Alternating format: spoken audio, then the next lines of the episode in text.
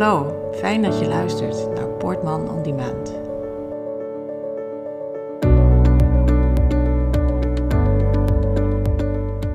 Welkom bij uh, Poortman on Demand. Ik heb een gesprek met Anita Pepping over een zaak uh, waarin een cliënt van mij heeft aangegeven dat hij eigenlijk niet persoonlijk naar buiten wil treden. En toen dacht ik van, met wie kan ik nou in gesprek over een zaak die aandacht verdient? En toen kwam ik al heel snel uit bij Anita Pepping. Anita is uh, ruim 30 jaar uh, verslaggever geweest voor het Dagblad, vroeger het Nieuwsblad van de Orde.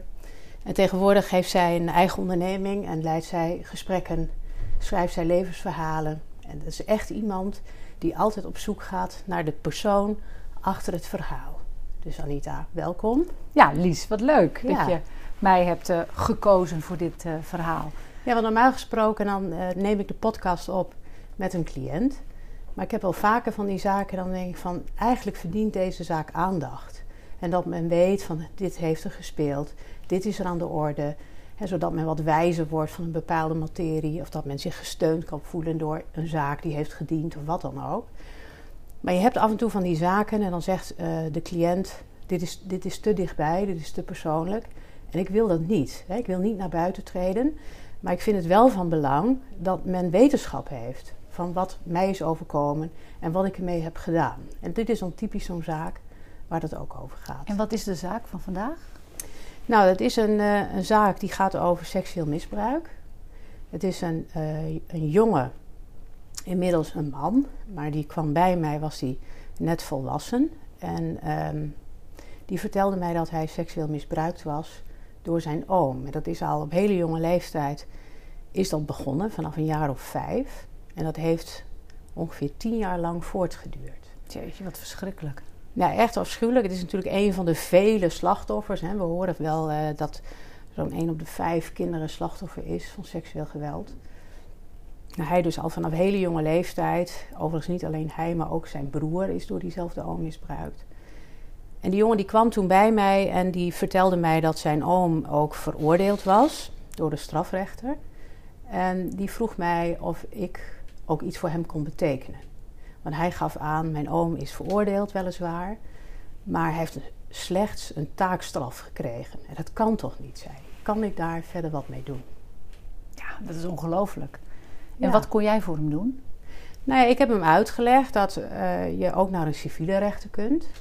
En bij een civiele rechter kun je dan om schadevergoeding vragen. En wat je dan ziet, is dat in mijn praktijk, ik heb een letselschadepraktijk, dan zie je dat uh, je voor schade allerlei schadeposten bij langs loopt. Uh, waar heeft iemand mee te maken?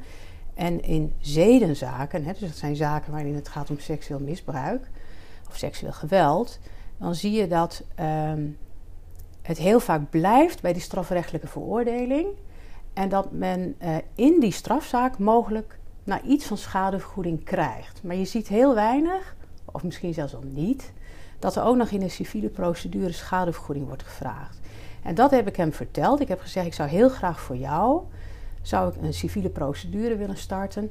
En dan wil ik ook gaan voor zoiets wat heet verlies van verdienvermogen. Wat is dat? Nou, dat is, eh, zeg maar in de volksmond zeg je dan van mijn inkomen is minder. Okay. En ik heb een carrière gemist. Of ik ben, als, je gaat, als het gaat om een volwassen iemand uh, die een ongeluk heeft gehad, nou, die kan minder werken. Ik, ik, ik verdien nu minder doordat ik in plaats van vijf dagen maar drie dagen kan werken. Of kan niet de baan krijgen die hij zou willen. Ja, van alles. Hè. Dus het heeft zeg ja. maar te maken met je inkomen. Maar het komt voort vanuit een beperking die je ervaart in je verdiencapaciteit. maar wat kun je doen om een inkomen te genereren? Dat en, lijkt me heel lastig. Uh, ja, dat is dus ook, hè, in, bij, vooral bij die zedenslachtoffers. Uh, dan zie je dat daar, nou laat ik het zo zeggen, dat er vrijwel niet aan wordt gedacht. Je ziet het wel, zoals ik zei, bij, bij verkeersslachtoffers is het eigenlijk de eerste schadepost, zou ik bijna durven zeggen, waar je naar kijkt. Van iemand die, uh, die kan bijvoorbeeld uh, zijn been niet meer gebruiken en die is heftruckchauffeur. En dan zeg je, nou wat betekent dat voor diegene? Is maar gaat het er dan om dat het om geestelijke schade gaat en dat dat daardoor moeilijker is? Of heeft dat er niks mee te maken? Soms wel, hè, want iemand kan natuurlijk ook uh, minder goed werken of niet meer functioneren in het werk, doordat diegene psychisch letsel heeft. Nou, bij, bij dit slachtoffer was het zo dat hij mij dus vertelde dat hij uh, psychiatrisch heel veel problemen had. Hij heeft ook opnames gehad, gebruikte zware medicijnen, heel veel vormen van behandeling gehad. En hij gaf zelf aan dat hij dacht dat hij nooit meer zou genezen. Dus dat was voor mij een signaal van deze jonge man. Die uh, kan waarschijnlijk niet een carrière doormaken die hij wel had kunnen doen. als dat misbruik hem niet was overkomen. Dat was eigenlijk het vertrekpunt. Op het moment dat hij bij mij kwam, studeerde hij nog en werkte hij niet. Dus je moet je voorstellen van je hebt dan een jong iemand voor je en dan probeer je een voorstelling te maken van hoe zou die toekomst van die jongen eruit hebben gezien als dat misbruik zich niet had voorgedaan. Meer dan dat weet je eigenlijk niet. En dan voel je een beetje wel aan van nou volgens mij hebben we dan hier echt wel over forse schade. En zijn daar dan modellen voor of hoe kom je daar dan achter? Nou, kijk, normaal gesproken, maar dit is dus niet normaal gesproken. Hè? Normaal gesproken heb je te maken vaak met een meerjarig slachtoffer. En dat was hij wel toen hij bij mij kwam, maar dat was hij niet toen dit gebeurde. Uh, met een meerjarig slachtoffer dat bijvoorbeeld betrokken is bij een verkeersongeluk. Dat zien wij in de letselschadepraktijk het vaakst. En dan zie je ook vaak wel dat iemand een bepaald beroep heeft, ook vaak werkt.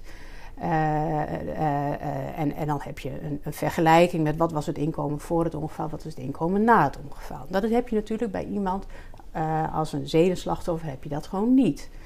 Ehm, je kunt het het beste vergelijken, denk ik, met een kind, bijvoorbeeld van een jaar of acht, dat betrokken raakt bij een verkeersongeluk, wordt aangereden op een fiets en um, diegene heeft hersenletsel. Niet dusdanig dat hij niet meer, helemaal niks meer kan, maar qua verstandelijke vermogens wat minder. Misschien wat trager, kan wat slechter informatie verwerken, dat soort dingen. En wat ik dan doe, dan volg ik zo'n kindje tot bij jongens tot uh, eh, 24 en bij meisjes tot 21. Omdat de hersenen van jongens wat trager uitontwikkeld zijn dan van meisjes. Ja. En dan ga je de, uh, ieder jaar in de schooltijd ga je rapporten opvragen en dan houd je een vinger aan de pols. En op een gegeven moment krijgt zo iemand ook een bepaalde uh, opleiding. Die gaat, gaat, verder, soms HBO, soms misschien universiteit, wat het ook maar is. Maar dan ga je kijken van nou, wat was nou aan de hand van vaak arbeidsdeskundige rapportages. Dus een arbeidsdeskundige raadpleeg je dan. En heel vaak medici raadpleeg je dan ook. Wat had iemand nou voor beroep kunnen doen als dat ongeluk niet was uh, gebeurd? En wat is diegene gaan doen? En dan heb je inkomens, kun je vergelijken. En dan kom je bij een, vaak een hele forse schadepost. Als het om kindschade gaat, noemen we dat. Dan reken je dat door tot en met de pensioengerechtigde leeftijd. Dan maar heb je, dat hier dan ook gedaan? Kon je dat, dat hier heb ik hier dus eigenlijk ook gedaan. Oké. Dus ik ben, uh, ik, kijk, ik kende hem niet toen, toen dit misbruik hem overkwam. dus ik kan niet zeggen van. nou, welke leeftijd hebben we het dan over? Zijn dat... Nou, hij is eh, op, het is begonnen zo rond zijn vijfde. Oké. En het is geëindigd zo rond zijn vijftiende. dus dat is, een, dat is ook een, een leeftijdsfase die ontzettend belangrijk is. qua ontwikkeling en qua vertrouwen. En, en dat is ook iets wat hem parten speelt. Dat hij eh, niet alleen een slecht eh, zelfbeeld en weinig zelfvertrouwen heeft. Maar hij heeft ook heel weinig vertrouwen in zijn directe omgeving. Bijvoorbeeld zijn ouders, om maar wat te noemen. Uh, zijn ouders die, uh, zijn allebei zeer hoog opgeleid, gepromoveerd. Um, zijn ouders die, uh, ja, die, die waren ook wel eens voor werk weg. En dan ging, ging mijn cliënt als kindje naar die lieve oom. En dat, daar was het fijn. En die had een heel groot huis en die had een, eigenlijk het was een landgoed. En dan kon hij lekker nou ja, spelen en die oom die was zo lief voor ze. En, maar hij wilde op een gegeven moment helemaal niet meer naar die oom. Maar dat, hij vertelde natuurlijk niet waarom. En hij had ook het idee van misschien weet mijn broer ook wel wat mij overkomt, maar mijn broer helpt mij niet. En achteraf blijkt dat die broer ook misbruikt werd. En dus dat vertrouwen, dat heeft zo'n deuk gekregen. En iedere keer werd hij weer naar die oom gebracht om daar te logeren. En dan iedere keer ook weer werd hij misbruikt. Dus jaren achtereen, jarenlang vertrouwensbreuk hè, met, je, met, met je ouders, met iedereen die je dierbaar is eigenlijk. En niemand die ziet wat jou overkomt. Hij is wel een opleiding gaan doen daarna. Is hij, kon hij wel naar school? Of? Ja, maar dat, dat zelfvertrouwen, zeg maar, dat zelfbeeld, het heeft zo'n zo'n deuk gehad dat hij op het moment dat hij het VWO heeft doorlopen, want dat is gelukt, uh, had heel veel problemen thuis overigens. Niemand begreep hem, jeugdzorg kwam erbij. Het was een onmogelijk kind, een heel lastig kind, zeg maar. Uh, maar hij heeft dus het VWO wel doorlopen. Op zijn vijftiende heeft hij het opgebiecht, zeg maar. Heeft hij het verteld aan zijn moeder. En dat leidt natuurlijk ook in die familie tot allemaal ellende. Ja, uh, die, die, hele familie is uit elkaar gevallen. En dat, was, speelde ook wel een geloof een rol. En je moest elkaar vergeven. En nou goed. Maar dan, uh, dan gaat hij na het VWO, dan staat hij voor de keuze van wat ga ik nou doen? Ga ik een universitaire studie doen? Dat lag eigenlijk het meest voor de hand. Dat is een hele slimme jongen. Uh, nu merk ik dat nog altijd aan. Het is echt een intelligente man. Maar hij, uh, hij besloot om een HBO-opleiding te gaan doen. Want hij zei: die universitaire studie, dat was voor mij toch wat te abstract. En ik, ik heb behoefte aan dingen in porties. Zeg maar partjes. Hè? Alles moet voor mij overzichtelijk zijn. concentratie zal waarschijnlijk Precies dat ook. hè? Als, je, als je onzeker bent en je vertrouwen zo'n zo, zo, zo, ja, zo'n enorme opdoffer heeft gehad... in de hele wereld, zeg maar... dan is het ontzettend lastig inderdaad om je te kunnen concentreren... om uh, grote lijnen te overzien, nou, et cetera. Er komt bij dat hij ook heel vaak periodes depressief was. Dus überhaupt ook niet, niks kon. Dan sloot hij zichzelf op. Niet meer wilde leven is heel vaak suicidaal geweest. Zwaar onder de middelen zat. Dus hij dacht van dat die universiteit, dat gaat mij nooit lukken. ook niet met de therapieën die hij had en noem maar op, die beperkingen die hij ervoer. Dus hij koos eigenlijk voor een opleiding die beneden zijn niveau lag.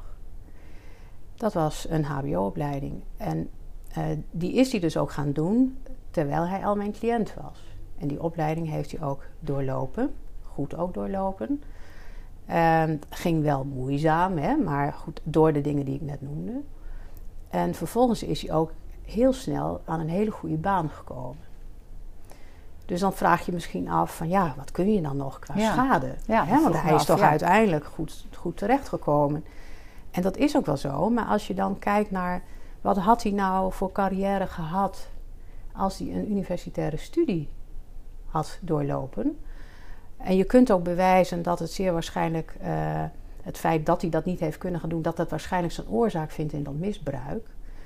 Dan kan je wel eens aan hele forse schadeposten komen. Dus dat heb ik geprobeerd inzichtelijk te krijgen. We zijn gaan kijken aan de hand van eerst een rapport van een psychiater. Van wat is er met hem aan de hand, zeg maar. Is het waarschijnlijk dat die klachten die hij heeft, en hij is ook gediagnosticeerd uh, met een bepaalde stoornis, in, uh, uh, is het ook waarschijnlijk dat dat veroorzaakt is door dat misbruik. En dat, nou, dat is ook, daar is over gerapporteerd en dat leek ook allemaal waarschijnlijk. En aan diegene is ook gevraagd, aan die psychiater, denkt u ook dat hij daardoor qua opleidingsniveau, hè, dat hij lager is gaan zitten? Dat vond diegene eigenlijk ook. En dan ga je vervolgens naar zo'n arbeidsdeskundige, die is dat ook helemaal gaan uitzoeken. En nou, dan kom je inderdaad tot de conclusie dat de deskundigen van mening zijn. Ja, hij had als je dat misbruik wegdenkt, hè, alsof het niet gebeurd is, had hij toch waarschijnlijk wel een universitaire studie gevolgd. En dan had hij in ieder geval in het beroep waarin hij nu is gaan werken, dan had hij ook minder snel aan een plafond gezeten. En dan was hij hoger ingeschaald nu dat, geweest. En hij zit nu al aan zijn plafond. Hè. Dat was in dat geval niet zo geweest. En hij had ook meer promotiemogelijkheden gehad. Dus die, die carrièreontwikkeling is hem dan ook ontnomen. En niet alleen dat, er is ook geconcludeerd, in plaats van dat die jonge man vijf dagen kon werken, kon hij slechts vier dagen werken. In de praktijk werkt hij drie. Maar uh, uiteindelijk is dus in een procedure is, is vastgesteld, wij vinden het aannemelijk dat het vier dagen zijn in plaats van vijf. En dan laat je vervolgens een rekenkundig bureau de boel uitrekenen van wat betekent dit nou schade technisch gezien? Dat zijn hele dikke rapporten. Nou, en zo kom je dan, voor wat betreft het verlies van verdienvermogen, tot een bedrag van, uh, van zeg maar 7 ton. Dat is natuurlijk een enorm bedrag. En naast dat heb je het ook over smarte geld en allerlei andere schadeposten. Ook mijn kosten, om maar wat te noemen. Alle kosten van die deskundigen. En over al die schadeposten hebben we geprocedeerd. En al met al hebben we iets van twaalf jaar lang geprocedeerd.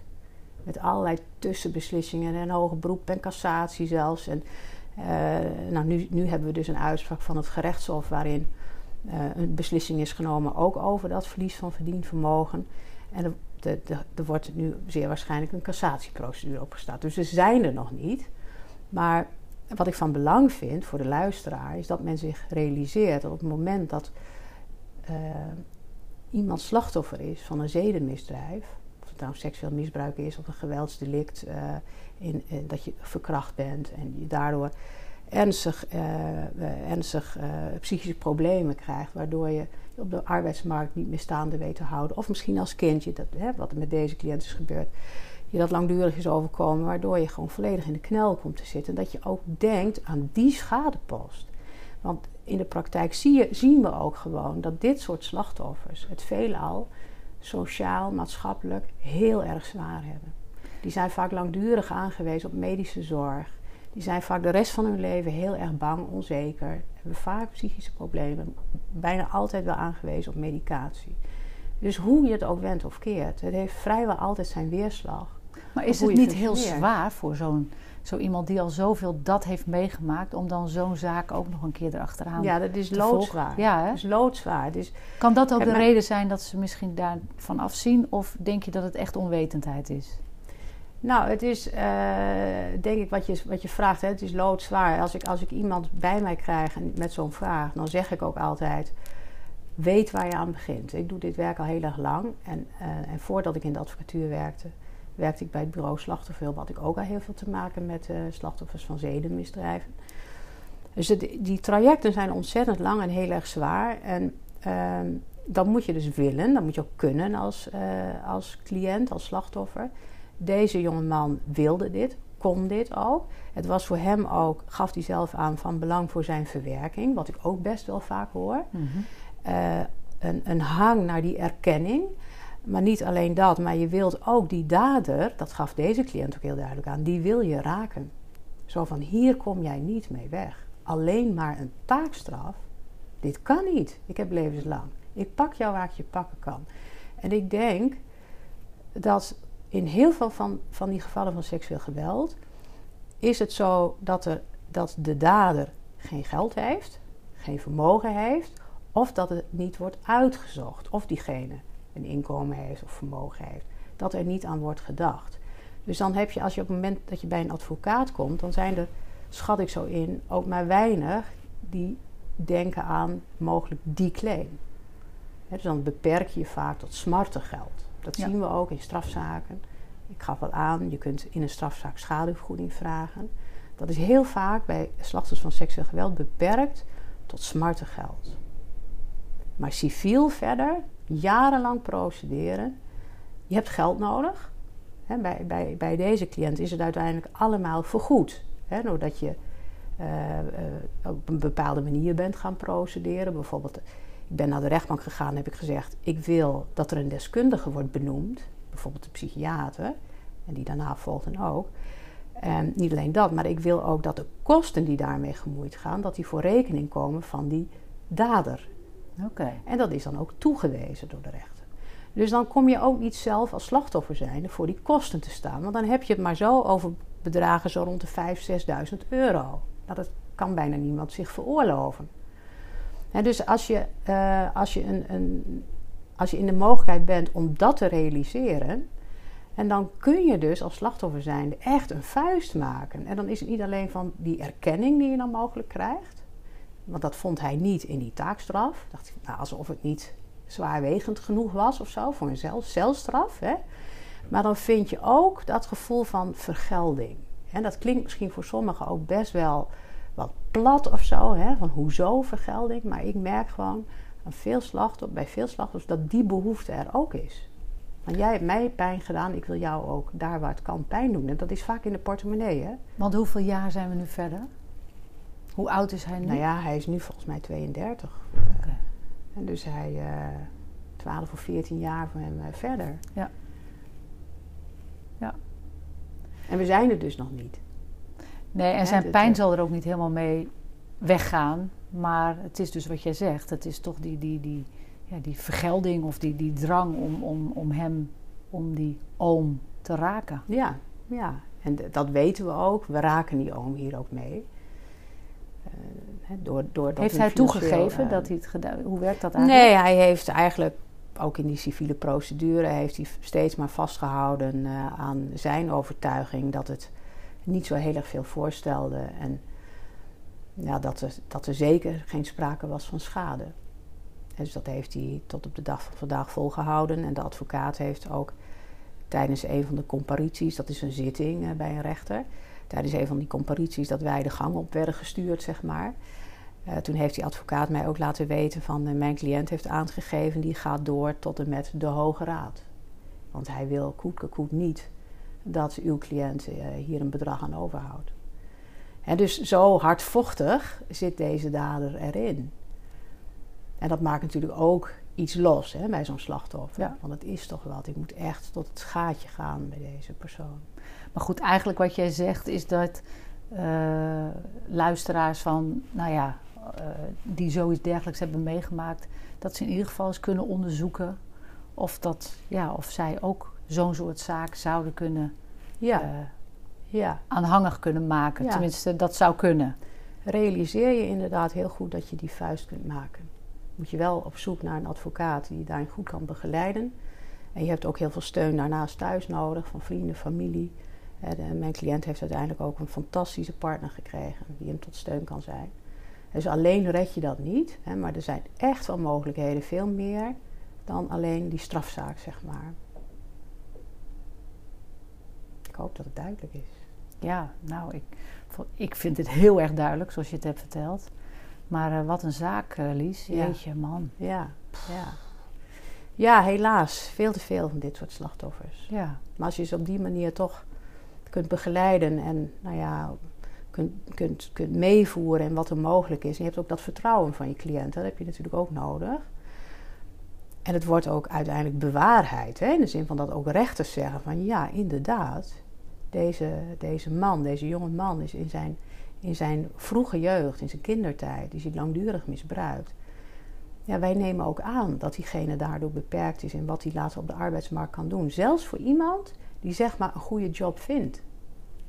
Ja. ook voor diegene kun je dus wel aannemelijk maken dat het nog beter had gekund. En dat is ook schade. Goed dat je het doet, Lies. Dank je wel.